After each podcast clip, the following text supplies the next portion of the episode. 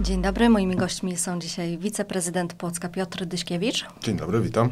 I Tomasz Kominek, przewodniczący klubu radnych Polskiego Stronnictwa Ludowego w Płockiej Radzie Miasta. Dzień dobry, witamy bardzo serdecznie wszystkich Państwa i Panią redaktor. E, panowie, zacznę od pytania, które chyba dręczy wszystkich płotrzan. Co z tą Wisłą? Co tu się zadziało w ogóle?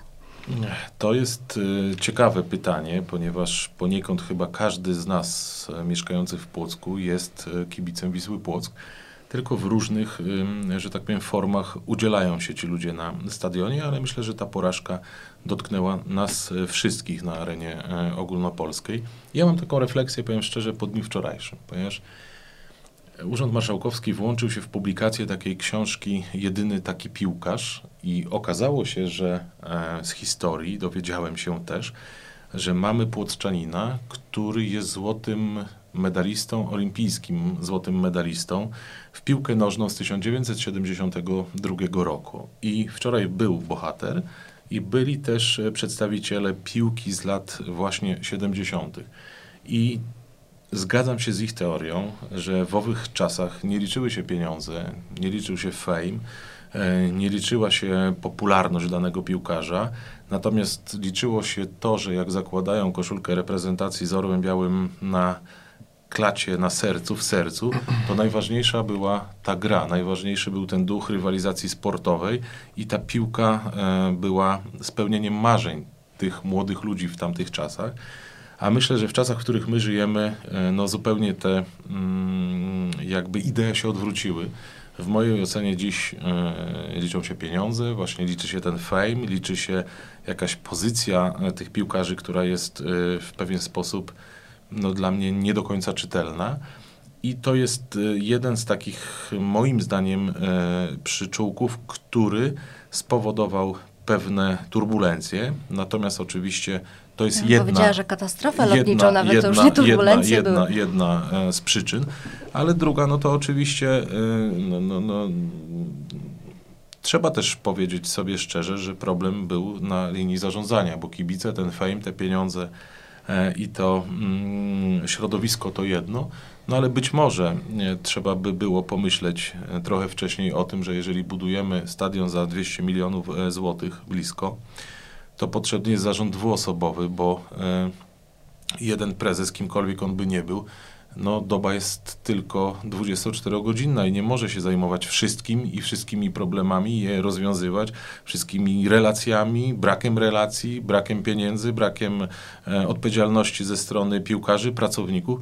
No w mojej ocenie mm, problem i błąd w tym zarządzaniu polegał na tym, że w tym czasie być może powinien być e, wiceprezes tej spółki, który byłby na przykład tylko do tego, żeby zajmować się klubem i częścią sportową, a drugi nadzorowałby stadion.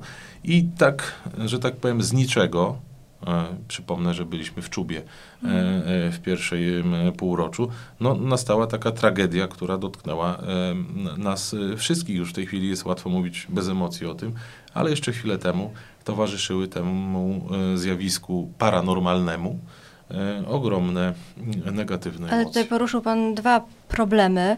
E, pierwsze to e, te transfery chyba. No, czy transfery są konieczne, skoro mamy młodych wychowanków, którzy chyba dla swojej drużyny zrobiliby o wiele więcej niż jakikolwiek zawodnik z zewnątrz, który nie jest związany emocjonalnie ani z tym miastem, ani z tą drużyną.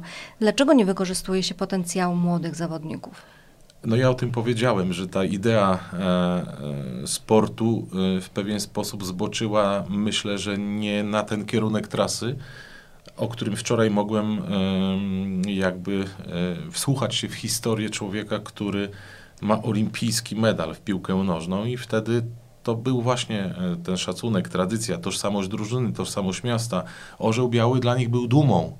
Mogli grać bez pieniędzy to była duma dla Polski, dla Polaków, dla kibiców. Dziś, czy piłkarze reprezentują taką dumę i tożsamość regionalną? Ciężko powiedzieć, w mojej ocenie nie. Mogę być nieobiektywny. Natomiast ja też e, nie jestem specjalistą i znawcą piłki nożnej. Natomiast co wydaje się być rokujące na przyszłość, jakich błędów można uniknąć, no to myślę, żeby wrócić do tego serca, do tej idei, do tego szacunku do tożsamości lokalnej i stawiać na swoich. Tylko proszę zwrócić uwagę, że ten rynek w ogóle jest dość specyficzny, e, bo wszędzie e, tak się dzieje, że e, no sorry za szczerość, ale jeżeli ja słyszę o kilkuset milionowych transferach w euro za piłkarza, no to myślę, że ten rynek się trochę pogubił, bo mm. nie patrzymy na piłkę nożną przez pryzmat ducha sportu, tylko przez pryzmat pieniędzy, transferów, no mówię, tego całego takiego życia Tej otoczki, jakiegoś medialnego. No, Ale tu jest chyba właśnie się ten, trochę pogubiła ta piłka. Tu jest no, właśnie tak ten wydaje. drugi problem. Y, czy taki klub ekstraklasowy, który wymaga jednak dość dużych nakładów pieniędzy, powinien być prowadzony przez miasto? Czy miasto na to w ogóle stać? Panie prezydencie, wiem, że nie za bardzo może się pan wypowiadać w tym temacie, ale może zapytam jako kibica, na ile może pan wyrazić swoją opinię. Czy, myślę, czy jest- miasto powinno prowadzić taki klub? Ja myślę, że to jest e, sytuacja, która jest bardzo złożona i generalnie nie da się jednoznacznie na, na ten temat odpowiedzieć. Mamy przecież przykłady też e, w ekstra klasie klubów, które są prowadzone przez e, inne e, miasta. E, Czy to wychodzi dobrze w ich przypadku, czy źle, to też e, nie chciałbym e, w tej chwili oceniać. Dzisiaj mamy e, sytuację, kiedy Wisła Płock po bodajże siedmiu, e, siedmioletnim pobycie w Ekstraklasie no niestety spada do e, pierwszej ligi. No to jest e, przykra sytuacja, bo e, każdy z mieszkańców tego miasta, czy bardziej, czy mniej, ale kibicuje e, tej naszej Wiśle. I dzisiaj rzeczywiście przed Wisłą duże wyzwania i te kadrowe, i te finansowe, z którymi będzie musiała się zmierzyć. Również ta kwestia odbudowania też relacji pewno z kibicami, bo to jest bardzo ważna i istotna moim zdaniem kwestia. Ale o tym e, wspomniał Tomek. E, Dzisiaj wiemy, że ten następny sezon będziemy grali w pierwszej lidze, ale e, myślę, że powinniśmy zrobić wszystko, żeby wrócić do ekstraklasy. To nie jest łatwe, bo tutaj przykładem może być Wisła Kraków, która rok temu spadła e, z ekstraklasy do pierwszej ligi i ten powrót się nie powiódł, tak? Więc e, to też myślę e, jakby dobry, dobry taki przykład tego, jak no, należałoby postąpić, żeby jednak ten sukces w następnym sezonie był również no, i cieszył nas. A e, oczywiście te problemy będą, bo przecież e, myślę, że też ze strony i sponsorów jakieś e, przedstawienie jakiegoś pomysłu na klub i e, planu naprawczego chociażby mm, no, ten e, klub będzie musiał przedstawić. E, No i też e, szeroko, e, szeroko mówiono o tym, że no, jakiś audyt też, że tak powiem, z funkcjonowania klubu powinien się pojawić, który mógłby pokazać, które rzeczy należałoby poprawić i które usprawnić po to, żebyśmy, no, tak jak mówię, mogli liczyć na powrót do e, ekstraklasy. Mhm. No tak zastanawiam się tylko, czy ten powrót do ekstraklasy będzie realny, bo tak, wiemy, że 10 milionów już nam odejdzie z racji tego, że w ekstraklasie jednak nie jesteśmy. E, Wiemy o tym, że sponsorzy na pewno obniżą też e, swoje wsparcie, skoro umowy były zawarte na ekstraklasę. Odchodzą po kolei nasi najlepsi piłkarze, no bo też nie chcą grać w pierwszej lidze, tylko szukają swojej drogi zawodowej gdzie indziej. E, Czy w ogóle to wejście z powrotem do ekstraklasy jest realne? To mm, jest y, bardzo trudne pytanie, a odpowiedź na to pytanie jest jeszcze trudniejsza, bo jest przed nami. Natomiast historia mówi o tym, że jeżeli na samym początku y, nie nastąpi boom y, i nie mm, wejdzie w życie ten plan naprawczy, jak tu kolega prezydent powiedział, to z roku na rok będzie coraz trudniej. E, Umówmy się szczerze, że jeżeli dziś mamy e, chęci, e, zarówno właściciel klubu, jak i tak sobie myślę, że nowe władze tego klubu no, będą robiły wszystko, żeby jednak w tym pierwszym sezonie przeskoczyć do ekstraklasy. I uważam, że jeżeli tego nie zrobimy w najbliższym roku, no to właśnie historia mówi o tym, że będzie coraz trudniej. Ja przypomnę, że przed 2014 rokiem te losy Wisły też były y, y, przepełnione zakrętami i zawiłością e, w swoim działaniu, a dalej to jest, y, że tak powiem, wymiar sportowy, więc też taki nie do końca możliwy do przewidzenia. Natomiast moim zdaniem zarówno właściciel, nowe władze spółki, jak i piłkarze, właśnie ci, którzy są utożsamiani z naszym Płockiem, powinni zrobić wszystko, żeby przeskoczyć to okienko w tym pierwszym sezonie możliwym, czyli w pierwszym roku, bo później tak jest ze wszystkim i w każdym obszarze życia może być tylko trudniej. Mhm. E, to tak na podsumowanie tego tematu tylko dodam, że wtedy, kiedy udało nam się powrócić do ekstraklasy, to sternikiem był jednak Jacek Kruszewski, który wywodził się ze środowiska kibiców, miał ogromne poparcie, ogromną charyzmę. I wydaje się, że teraz bez niego będzie to dużo trudniejsze. Ale przechodzimy do przyjemniejszych tematów. E, trochę wiem, że e, obydwaj panowie zaangażowali się w pozyskanie środków e, z samorządu mazowieckiego. Te środki poszły na kilka projektów, ale dwa są szczególnie fajne i bliskie naszemu sercu. Co to są za projekty? No tak, to mm, można powiedzieć, że już w, w, no, tak tradycyjnie e, ubiegamy się o te środki zewnętrzne, jeżeli chodzi e, o te, które są e, dostępne mm, i w różnych programach uruchomione przez Urząd Marszałkowski. To jest dobra okazja do tego, żeby podziękować również Tomaszowi jako dyrektorowi Urzędu Marszałkowskiego, który zawsze to wsparcie tutaj daje nam i rzeczywiście udało się pozyskać kolejny raz 200 tysięcy na nasadzenia i te nasadzenia będziemy chcieli realizować w Płocku już e, na jesieni.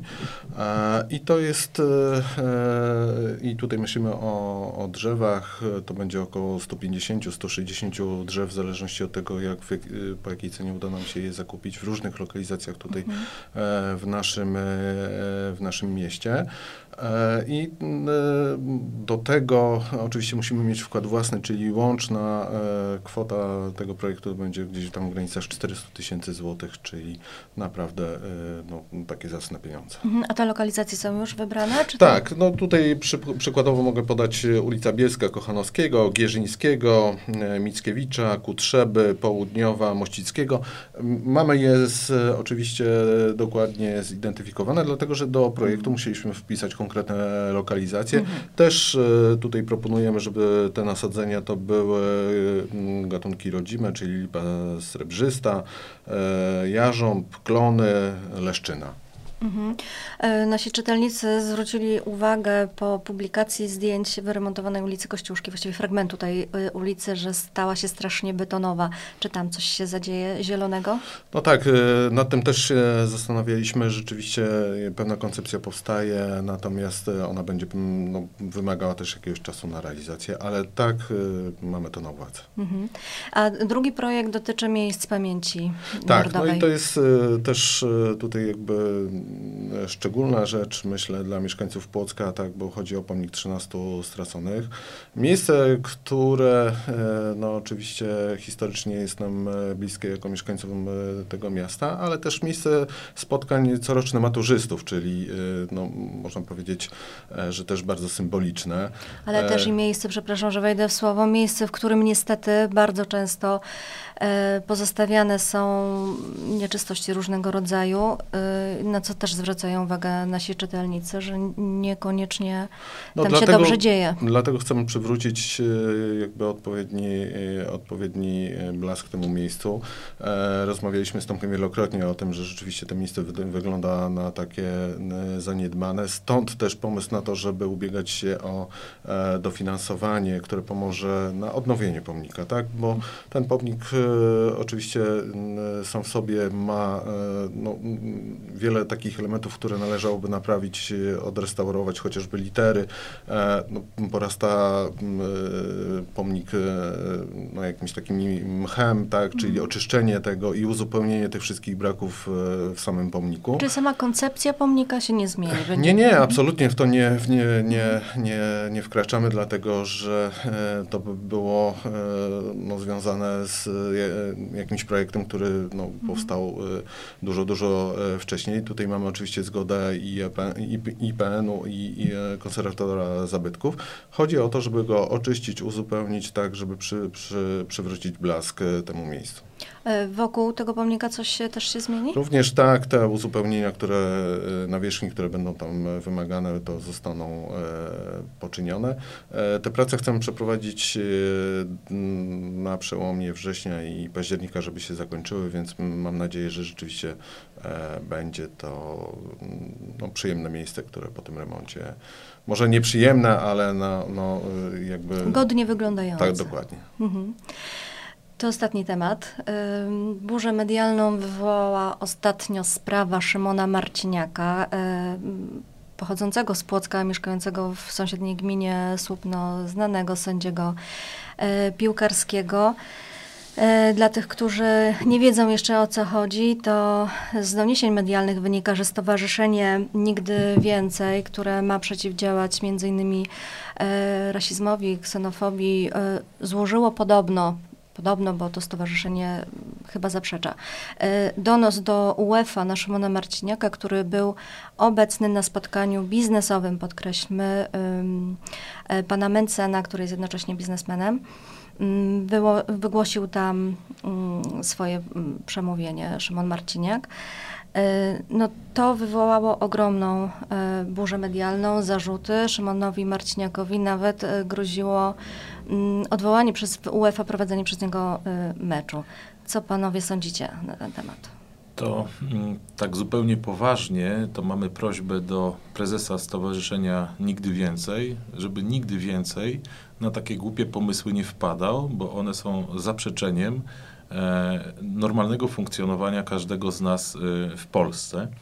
Boli to tym bardziej, że z całego świata mógł spłynąć jakikolwiek donos dotyczący, no w tym przypadku e, kolegi Szymona Marciniaka, no, na nieszczęście e, donos na Polaka wpłynął e, dzięki Polakowi, który generalnie mało co rozumie, moim zdaniem, ponieważ to jest wolny kraj i my możemy się spotykać z kim sobie chcemy i na jakich chcemy eventach, które są de facto mm, nawet bym powiedział, że potrzebne, jeżeli chodzi o kwestie związane z gospodarką, kwestie związaną e, z biznesem.